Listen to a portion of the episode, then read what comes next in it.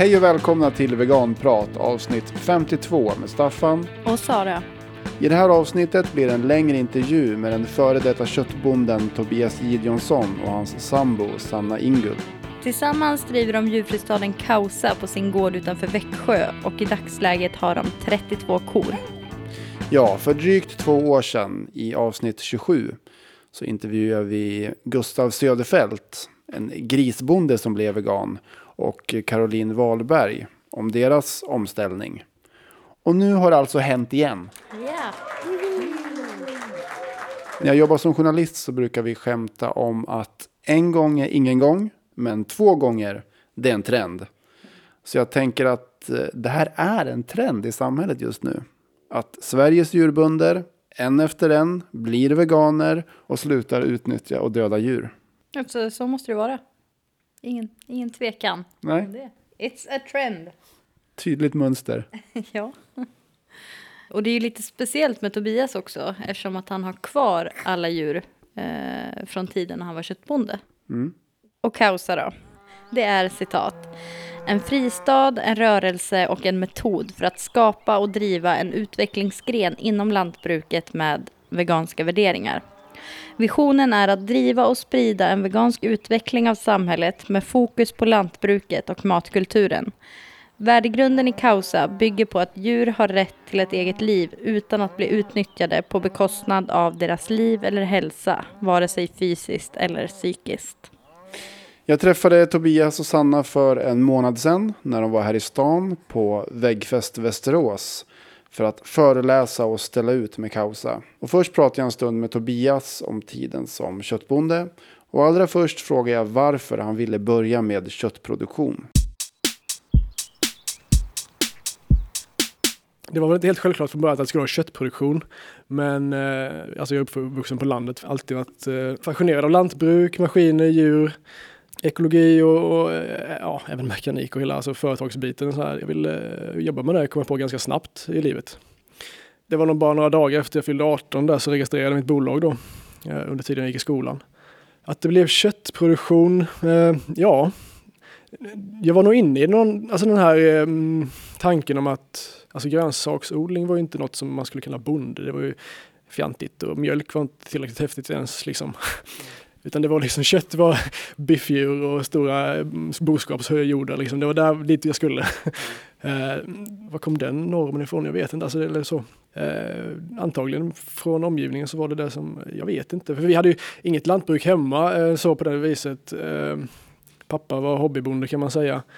Eh, vi hade ett par djur eh, som betade och, eh, ja, på gården då hemma. Och det var inget liksom, produktionsjordbruk och, och mamma är inte heller bonde. Utan, men jag ville mot det liksom, storskaliga och det skulle tjänas pengar och det skulle vara stort. Och dit liksom, var målet när man var i gymnasieåldern. Så. Mm. Och sen kom du igång med det och hade en sån produktion i några år eller? Ja, jag födde upp en kull med tjurar då som jag hade köpt in eh, och det var ju en, ja, det var en galen resa i sig då med tjurar där. Jag var, ju, jag var ju som sagt 18 år och mm. eh, det var ju förenat med livsfara ganska ofta där och eh, ofta har de eh, liksom lösgående tjurar som man skulle mata dagligen. Även fast nötkreatur är ju fina djur egentligen men tjurar i grupp är ju tjurar i grupp och det eh, kan, kunde bli ganska aggressivt. Egentligen förstår jag inte att mina föräldrar tillät det heller. Så, men redan där så, bör, innan jag hade ens hade sålt de första liksom, djuren då så kände jag nog att eh, nej, det var inte det här jag ville. Eller det känns inte som det ska kännas. Mm. För att jag ska vilja fortsätta med den här inriktningen. Mm. Var, var tror du den känslan kommer ifrån? Var känslan kommer ifrån? Eh, jag hoppas att det kommer från, från hjärtat liksom. Att eh, eh, man lär känna individen eh, man, man, en del i deras kretslopp eller liv och deras, och försöker få dem att leva så naturligt som möjligt. Jag hade ju frigångsdjur från början, liksom, att de skulle gå ut och beta och hela den biten. Men i alla fall då, för att liksom minska på den här känslan av att eh, det inte känns helt rätt och att jag inte helt fullt ut kunde stå för vad jag gjorde så tänkte jag att jag skulle börja med dikor istället då. Hondjur då som får en kalv om året. Eh, och så eh, behåller man kanske en del kalvar och säljer en del, säljer till andra uppfödare och sådär. Eh, för att få in liksom lite, någon slags mer naturlig till, tillvaro. Sen att man sålde till andra uppfödare som födde upp dem, det är ju det är fortfarande samma skit liksom egentligen. Men så tänkte jag då. Började med det, köpte in kvigor som det heter när de inte är, har fått någon kalv ännu då. Och sen tror jag, alltså när man väl började få kalvar och hela den biten, då var det nog liksom kalvarna som gjorde att, eller var med i livets första skede där, som gjorde att man verkligen började fundera på vad man höll på med. Och hjälpa dem till livet och, ja men det är vissa har det kämpigare än andra och sådär. Men att samtidigt då jobba för att de ska överleva och sen så för det slutgiltiga målet att de ska bli mat. Det är en konstig eh, känsla tyckte jag till slut. Ja, det låter ju som att du har haft en ganska lång process och många tankar igång. Du, under föredraget så hade du, du punktade upp eh, så här, först var jag här, sen var jag där och sen kom dit. Kan du berätta mer om den listan? Ja, men det var ju lite så här. Först var ju inte ens liksom grönsaker och mjölk någonting som man var och funderade på för det var ju fjantigt liksom. Sen så kom man ju dit och att man ville göra det exklusivt. Småskaligt, exklusivt och det var jag också inne på liksom att ha, det ska vara nyttig, nyttig liksom livsmedel som jag producerar och det ska vara Eh, äter de örter så, så, så binds också de naturliga fettsyrorna i deras kött och ja, det blir ett bättre livsmedel helt enkelt. Så det var jag inne på då. Men då tyckte jag att det, liksom, det blir absurt, eller det känns, jag tyckte det kändes absurt, liksom hela den det är individer som vi matar med saker för att de ska bli nyttiga. Och alltså, ja, nej, det kändes så jävla konstigt. Och att och sen börjar man tänka på konsumenterna som ska äta de här djuren som jag har känt. Eh, liksom, vad har de för rätt att äta mina djur? De har inte känt dem och, och sådär. Så jag gjorde aldrig det. Eh, och sen då i den här lilla stegen framåt. Jo men eh, det var typ, ja nej men jag kommer bara ha djur, eh, alltså sälja djur som eh, som har någon slags defekt eh, som man tycker mår dåligt då eller att man, att man berättigar att man avlivar någon eh, och säljer den till mat för att liksom, ja men det var för den egens bästa det var ju under många år här eh, i mitt, eh, mitten av resan där som jag eh, inte köpte kött i affären. Förutom om det var så här sista märkning, datummärkning och sådana grejer då för att jag tänkte att det är bättre att jag äter det än att det slängs då om jag ändå äter kött. Eh, annars så tänkte jag att jag skulle äta det som kommer från min egen gård, liksom även köttet då. Egentligen hade jag redan bestämt mig när det här skedde då, men det var, eh, jag tror det är fyra år sedan då. Jag hade bestämt mig egentligen för att jag inte ville hålla på med det här, men jag ville tvinga mig själv att uppleva en slakt liksom och vara med under hela processen då. Och då olyckligtvis så var det en sko, eh, en sko. Det började bli lite slirigt i munnen. Nej, så var det en ko eh, och mina kor då som blev skadad under julhelgen. Eh, och det gick inte att ringa någon, något slakteri då ju och hämta djuret. Mamma Mu som hon tyvärr kallades. Så det, det, blev en nödslakt hemma på gården av Mamma Mu då. och grannen fick komma och avliva henne. och då för att liksom ta hand om hennes, jag tyckte ändå fortfarande på den tiden att man skulle ta hand om hennes kropp liksom och låta det här eh, inte gå till spillo liksom eller destruera henne då. Så då, eh, då var jag med och, och liksom under den processen, eh, avlivning och att vi styckade henne då i ett eh, lokalt slakteri. Och även fast jag nog hade bestämt mig egentligen, men där sattes liksom spiken i kistan för, eh, för att jag inte någonsin vill gå tillbaka till det där. för det var liksom ingenting som jag Eh, skulle vilja stå och tjäna pengar på. Eh, nej, det var ganska, det var en jobbig upplevelse liksom att eh, stå och skära i någon som man har pratat med typ varje dag och matat och, och hela den biten. Så det var, det var, det var, det var jobbigt var det. Men jag, på ett sätt är jag glad att det tvingade mig att göra det. För jag ska ju fasen se vad jag har egentligen åstadkommit innan tycker jag. Alltså vad jag, jag har ändå skickat ut i slakt och att eh, vara med och, om den processen tycker jag liksom var det var eh, liksom jag skyldig djuren då på något vis. Nej, jag vet inte, men på något vis så. Ja. Men sen kom ju någon ordentlig vändpunkt då när du insåg att nej, det här går inte längre. Vad var det som hände då? Minns du? Ja, nej, det var väl helt enkelt att jag bestämde mig för att jag inte vill att jag inte vill tjäna pengar och leva på att uh, ha ihjäl andra varelser. Och jag tycker att hela det systemet är fel uh, i grund och botten och att det inte kan leda till något bra. Och att jag inte tror att det är varken bra för djur, natur eller för oss i längden. Eh, varken liksom känslomässigt eller om man nu ska ta det liksom miljömässigt eller hela den biten då. Så jag, jag vill inte vara en del av det längre helt enkelt. Jag vill inte uppmuntra till det, jag ville liksom inte, ja. Men jag stod ju ändå där då med, med en besättning och djur och, maskiner och, och en verksamhet. Eh, som jag i grunden brann för, eller brinner för då. Så det är hela tiden att jag haft djuren har ju bromsat mig. Alltså, eh, hade jag inte haft eh, djuren och relationen till dem så hade jag liksom packat ihop för länge sedan. Liksom. Men att eh, ringa samtalet och, och, skicka alla djuren till slakt. det hade varit den enkla liksom, vägen att gå. när man väl har bestämt sig för att jag vill inte vara en del av det här maskineriet längre. Men jag tycker också om jag nu sitter på den stolen som jag gör och har kommit fram till de sakerna jag har gjort, då känner jag att jag har ett ansvar och jag har en möjlighet att stanna kvar eh, och förändra. Så man kan säga att eh, Kausa föddes för, för två år sedan då, i, i tanken, eh, rent krasst. Eh. Vad är Kausa? Kausa är det liksom det nu, nuvarande steget eh, och det vi försöker skapa och det är väl eh, olika saker på olika sätt. Så, men för mig och för oss och för våra koner här nu då så är ju Kausa ett projekt som ska leda till att de kan leva vidare och att vi kan ja, driva vidare gården eller gårdarna då. Mm. Eh, och att ha djur kvar som betar och som sköter liksom betesmarkerna. Eh, samtidigt som de lever ett liksom så naturligt liv som ett tamboskap kan göra då eh, egentligen. Eh, under upp, uppsikt av oss då, och förhoppningsvis också volontärer då som kan komma och jobba i den här verksamheten.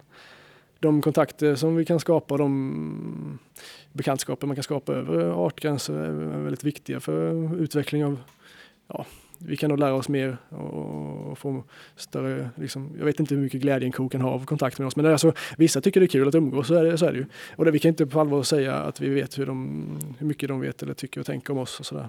Men vi kan ju, jag kan ju konstatera att de känner igen mig och de känner igen min bil till exempel. Mm.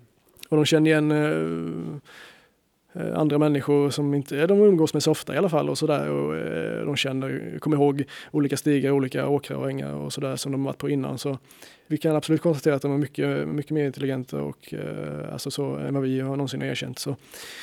Eh, nej men det är just kontakten, eh, att, att ändå ha en plats där, att som en mötesplats för, för djur och människor, alltså, som kan finnas i, i någon slags eh, miljö som är naturlig både för djur och människor. Och, ja, att låta en sån finnas kvar då mm. i en sån här verksamhet på vår gård. Eh, det är väl liksom målet då. Och bredvid dig sitter Sanna här. Ni träffades för hur många år sedan? Ja, det är väl två år sedan. Eh, två år ungefär. Ja. ja, precis. Det går snabbt. Ja. ja, det gör det. Så du kom in i det här Kausa-projektet precis i inledningsfasen då? Precis, det gjorde jag. Det har ju byggts upp och det är fortfarande inte färdigt. Men man måste ju starta någonstans. Mm. Eh, och det känns som att det här är en... Vi har ändå kommit en bit på vägen. Så det känns som att eh, ja, vi är på gång i alla fall. Mm. Jag kan också tillägga det att eh, innan jag träffade Sanna så var jag inte någon strikt vegan. Nej, och, så det var... Och det var inte alls svårt att göra valet sen att bli vegan. Eller val, ja det blev helt naturligt att jag tog det steget när jag träffade Sanna som var vegan då. Ja, vad har du för bakgrund när det gäller just djuretiska tankar? Eh, alltså jag har väl vetat från, sen jag var liten att jag tycker att det känns väldigt konstigt att, ja, men att vi skulle äta djur. Djur är ju bland det bästa som finns. Vi är ju också djur. Eh, så att äta sina kompisar är ju absolut inte någonting som man vill, vill bidra till. Mm. Men det tog mig lång tid innan jag vågade eh, ta det steget. Alldeles för lång tid tycker man så här i efterhand men... Eh, det tycker vi alla. ja men det, men det är ju verkligen så. Um, nej men jag var väl först vad man kan kalla vegetarian då. men det dröjde inte länge innan jag ehm, blev vegan då. Kan ni beskriva en vanlig dag på gården? Hur, hur ser det ut? Um, alltså det är ju det är, det är säsongsbetonat ehm, um, då. Alltså, eh, det är lösdriftsdjur då, alltså de går ute eh, kan man säga, har möjlighet att gå ut året om. Och eh, då får man se till så att stängslen är hela. vi har ju vilda djur runt omkring hagarna, vildsvin, älgar, rådjur. Eh, så de kan ju fara in i stängslen och riva upp och ibland tycker korna att de har för små hagar och då har de gått ut på andra hållet liksom och tagit sönder. Så då får man kolla stängsel och jaga kor. Vi har ju vaknat många gånger för vi har vårt fönster precis där de äter. Eh, på, på en av eh, beteshagarna där då. Då har vi vaknat ett par gånger denna sommaren av att man har hört att korna skriker och då har de till exempel sprungit rätt ut. Så då får man bara hoppa ur sängen och springa efter. Nej, sen handlar det om att skörda foder. Eh, på sommaren liksom. Eh, hö och ensilage. Vi kör ensilage då. Eh, slå och rulla gräs liksom och ensilera. Men eh, lite mer sådär relationellt och känslomässigt. Hur, hur är det att leva med kor? Hur, hur är de? De är helt underbara. Jag kan ju bara tala för mig som då innan jag träffade Tobias eh, aldrig har umgåtts med eh, kor tidigare. Jag har ju mest sett dem på avstånd liksom. Men de är så roliga. Eh, de är ju olika individer precis som vi människor är. Eh, vissa är eh, superpratglada, vissa är skittjuriga och andra är lite mer blyga och ibland är de jättebusiga. Som sagt, de, de rymmer ju ibland, det händer ju. Eh, De är så roliga. Det är inte en enda gång som man går ut i beteshagen och inte går därifrån och skrattar och ler liksom. De är helt fantastiska. Eh, jo, det finns det sådana dagar. eh, absolut. Har ni några bra stories? Någon händelse? En liksom rymningshistoria nu i somras då var ju dels alltså kor eh, som inte är dräktiga, de brunstar ju. Eh, och det heter det ju då. Eh, och då blir de ju extra sugna på att träffa tjurar till, till exempel. Och i grannbyn, eller i byn så finns det tjurar. Eh, och det känner ju kor på, alltså de har ju bra doftsinne. Eh, så de, eh, ett gäng av korna då, de bröt sig ut och stack till grannens eh, tjurar. Precis, Bröt sig in i den hagen, tog med sig tjurarna hem till sin hage och sen så, ja, jag var inte med men nå- någonting hände kanske. Så det, tyvärr så kan det vara så att vi kommer få någon extra, nej det är tyvärr säger jag men det, det var inte meningen att, men så kan det ju bli ibland med sådana här, eh, det kan komma någon kall till våren här då. Precis, vi får se. Ja, nej, de sprang ju genom skogen och verkligen hämtade hem alla tjurar så att han, han som äger dem fick eh, komma och hämta dem. ja, Eh, ja precis, men han tog det ganska bra. ja, det gjorde han. Han sa att vi hade ett dåligt stängsel men jag vet inte vad han snackade om. Hur, deras kroppar, är de väldigt sönderavlade? Eh, det är ju inte i nivå med, liksom, om vi nu ska gå på den eh, diskussionen, så det är inte i nivå med liksom, slaktkyckling och, alltså, som i, i princip bryter benen av sin egen vikt. Eh, och som inte kan andas ordentligt och som eh, ja, får syrebrist av sin egen liksom, kropp. De är ju helt förstörda och vissa hundraser som knappt kan andas för de har som platt nos och hit och dit. Det, där har vi inte nått riktigt med lantbruksdjuren men absolut så, så är de avlade för att producera, bli stora, inte bli mätta, alltså ha liksom eh, nästan osynlig aptit som man säger så. Eh, sen är inte det här, de raserna vi har liksom de värsta, men eh, eh, och, och mjölkkoraserna har ju också problem liksom med, med förslitningsskador i ung ålder liksom. Så det, det här är liksom, de är, det är osunt liksom ända in i generna tyvärr. Eh, så det, sånt måste man ju tänka på när man har sådana här djur, att man försöker förebygga sådana problem. Mm. Hur, hur tänker ni? Nu har ni 32 djur. Eh, ska det bli fler djur eller är det tanken att de här djuren får leva ut sina naturliga liv och sen, sen är det slut? Det är något mellanting där ju. Alltså, nu har vi absolut 32 djur i varierande ålder.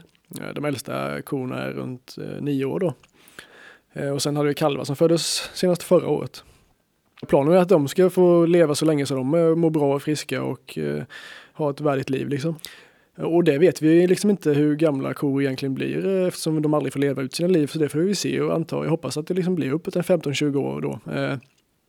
Eh, innan vi ska ta de besluten. Men det kan absolut ske tidigare. Så det, det är upp till liksom oss som djurägare och, och se till så att det blir bra.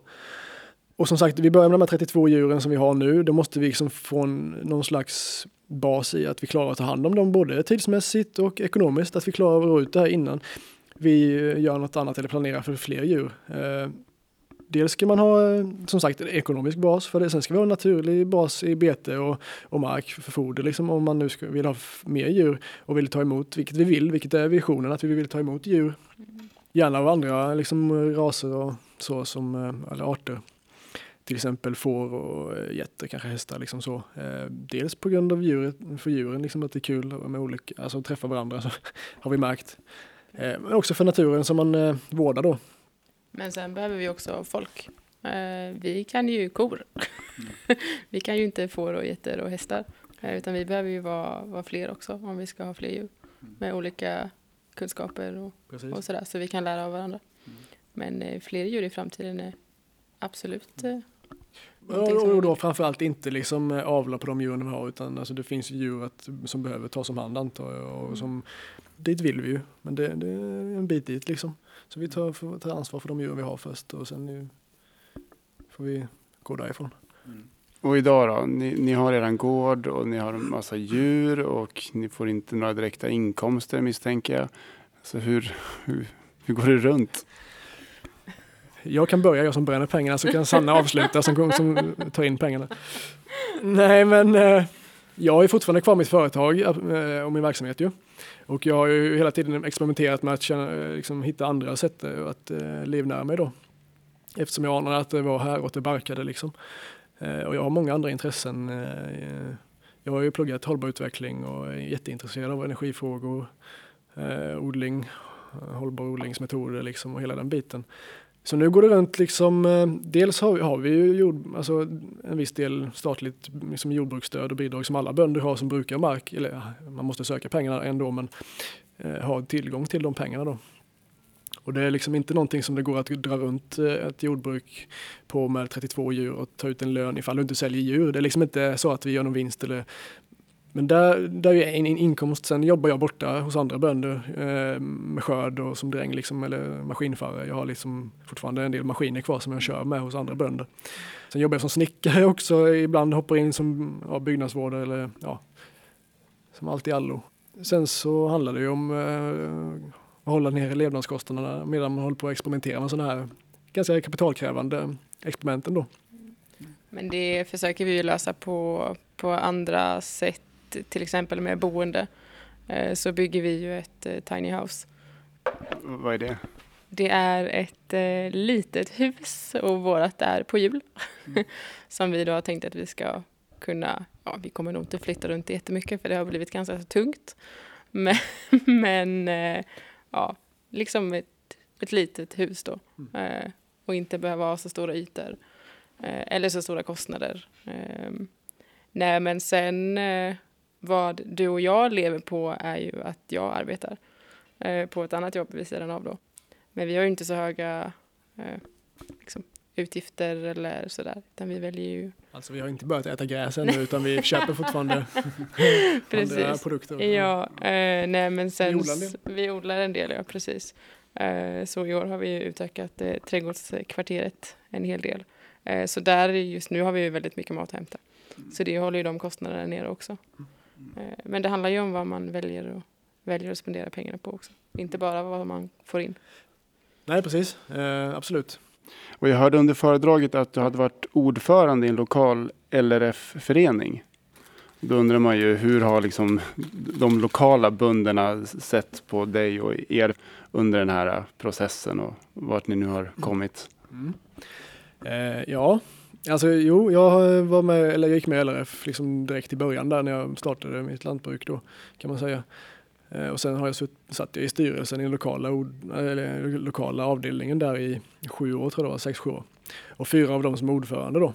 Ja, jag har väl inte liksom debatterat eh, eller pratat om eh, exakt den här resan i, på styrelsemötena där.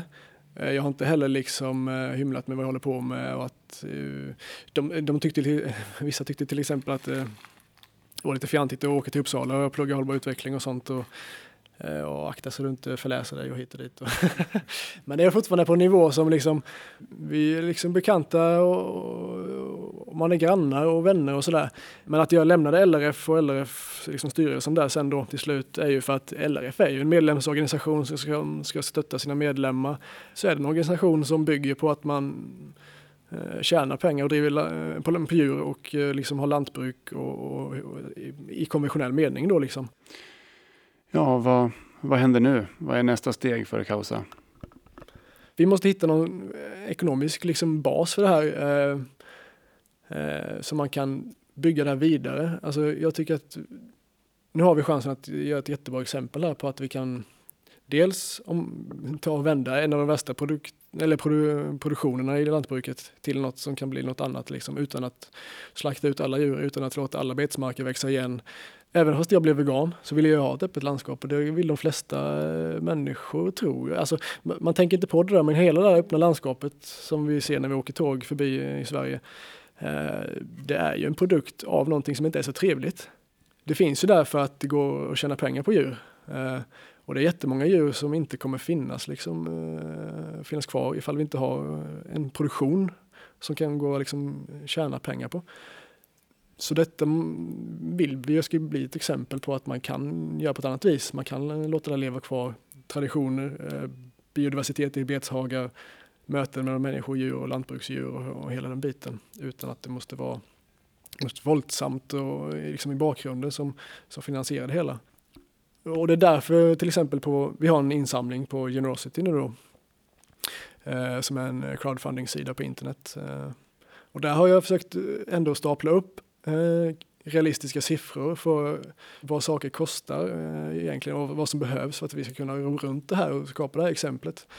Eh, och jag är medveten om att vi kommer aldrig få in de pengarna men jag vill ändå visa på vad det handlar om för pengar för det, det vet man kanske inte heller. Har man inte jobbat i branschen och vet eh, vad som krävs i både kapital och arbete så, så, så jag vill inte hymla med det liksom att det är kapitalkrävande.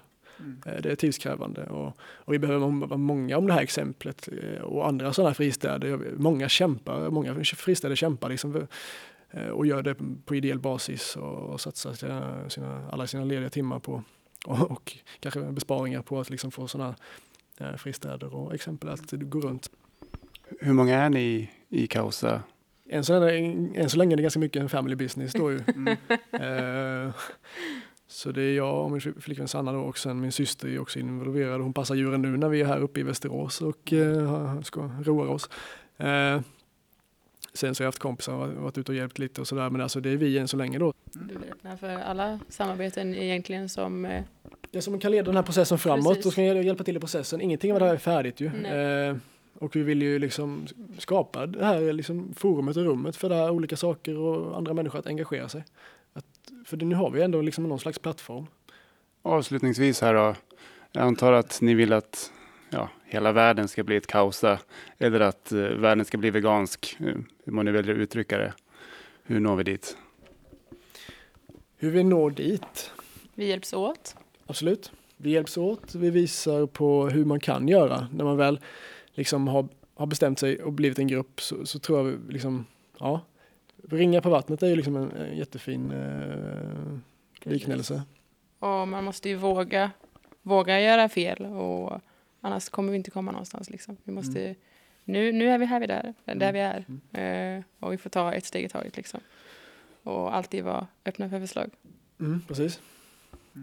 Kom ihåg att ha roligt också, liksom Precis. umgås. Både Och människor och djur. gosa. Ja. Kosa. Kosa, ja.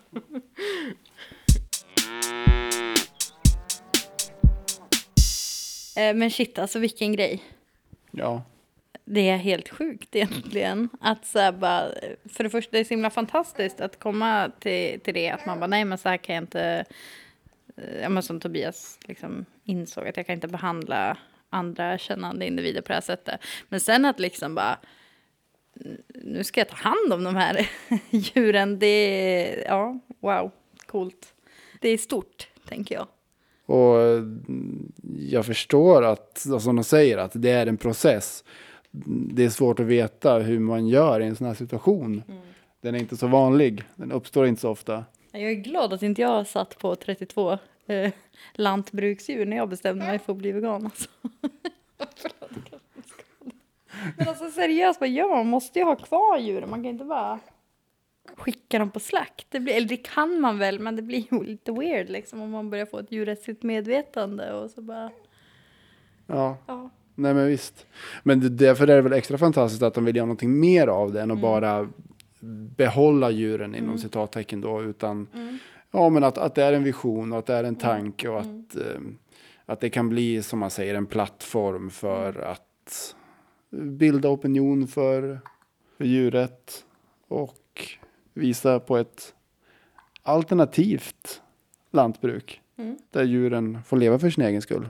Det är bra att det här Tobias tog upp att det är viktigt att kanske försöka tydliggöra hur mycket det faktiskt kostar att eh, ta hand om sådana här djur. Det tänker jag dels för, ja, för Kausa att det är viktigt kanske få in bidrag men även för andra djurfristäder i, i Sverige. Ja, just det. Att det är så här, det kostar så sjukt mycket att ta hand om djur och då krävs det ju som det ser ut nu att vi, att vi, att vi hjälps åt för att liksom kunna ta hand om alla djur som behöver hjälp. Ja, jag Många har, bäckar små liksom. Varenda, om alla veganer blir liksom, man kan, man, Det kan ju räcka med 20 i månaden liksom. Bara man så här chippar in. Om man kan. ja, det är ju världens sämsta affärsidé att ha en djurfri stad. Definitivt. Bara utgifter, inga inkomster. Men också en väldigt bra idé. Ja, det är en väldigt bra. Jag tyckte det var intressant också med Tobias gradvisa process till att bli vegan. Ja. Det var inte över en natt riktigt, utan jag kände det här motståndet först, precis, även direkt när han startade företaget, skulle ha köttproduktion och sen steg för steg, bit för bit liksom försökte tweaka och ändra och kan man göra det här samtidigt som man bryr sig om djur och ja, jo men kanske om, så här, vad var det i, i någon fas där, att, att bara skicka djur på slakt som är skadade och så. Jag tänker, det påminner ganska mycket om tankarna man har när man ska bli vegan också. Mm. Alltså, för att man vill kanske inte bli vegan och ge upp mycket. Att det blir en stor, för, för stor omställning i livet.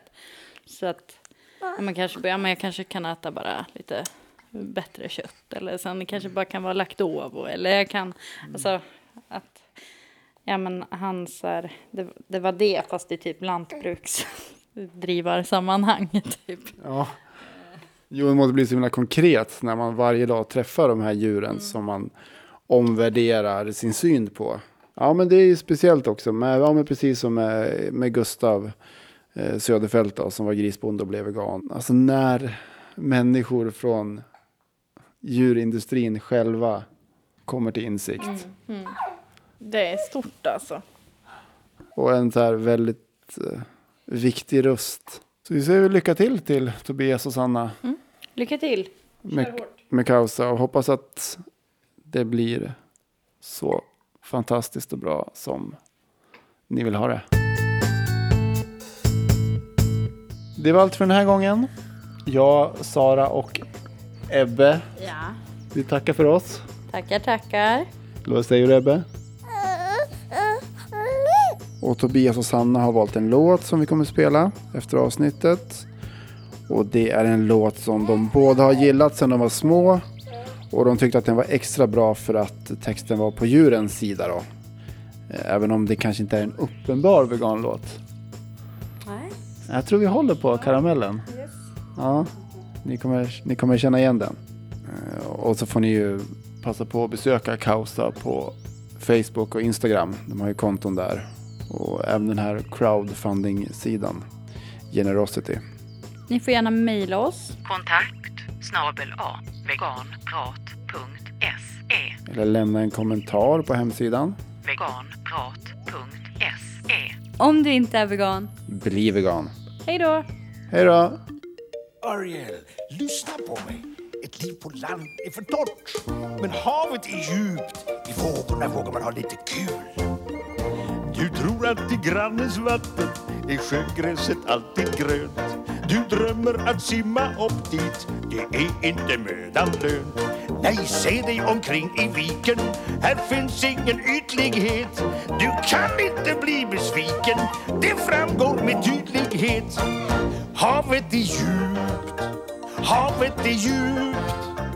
Nere på botten, här är det toppen, titta och njut. Uppe på land finns bara spring, möda och slit för ingenting. Men under ytan, där kan man flyta, havet är djupt. Ha-ha! Här nere är fiskar glada, här simmar man kring frivån. Men fisken på land är ledsen, där simmar man i en skål. Men fisk i en skål är lycklig, det blir mycket värre sen. En dag när familj är hungrig, med mannen på tallriken. åh nej! Havet är djupt, havet är djupt. Ingen kan ta oss från oss och ha oss i en ragu. Folk har recept i någon bok, men vi kan fly från drag och krok. Inga bekymmer, vi bara rymmer. Havet är djupt, havet är djupt. Och här i trakten håller vi takten, räknar till sju. Utan att krocka i en slör Svänger en rocka och en stör Ni måste höra, stick ner ett öra Havet är djupt ödla på flöjt, man spelar förnöjt på harpa och bas på karpars kalas. Tre braxar på sax, där trummar en lax. En gös gillar ös och soul En stör har gehör och stråkarna för. Två långor på bal och svartfisken gal. En nors och en sill kan inte stå still. En blåsfisk blåser på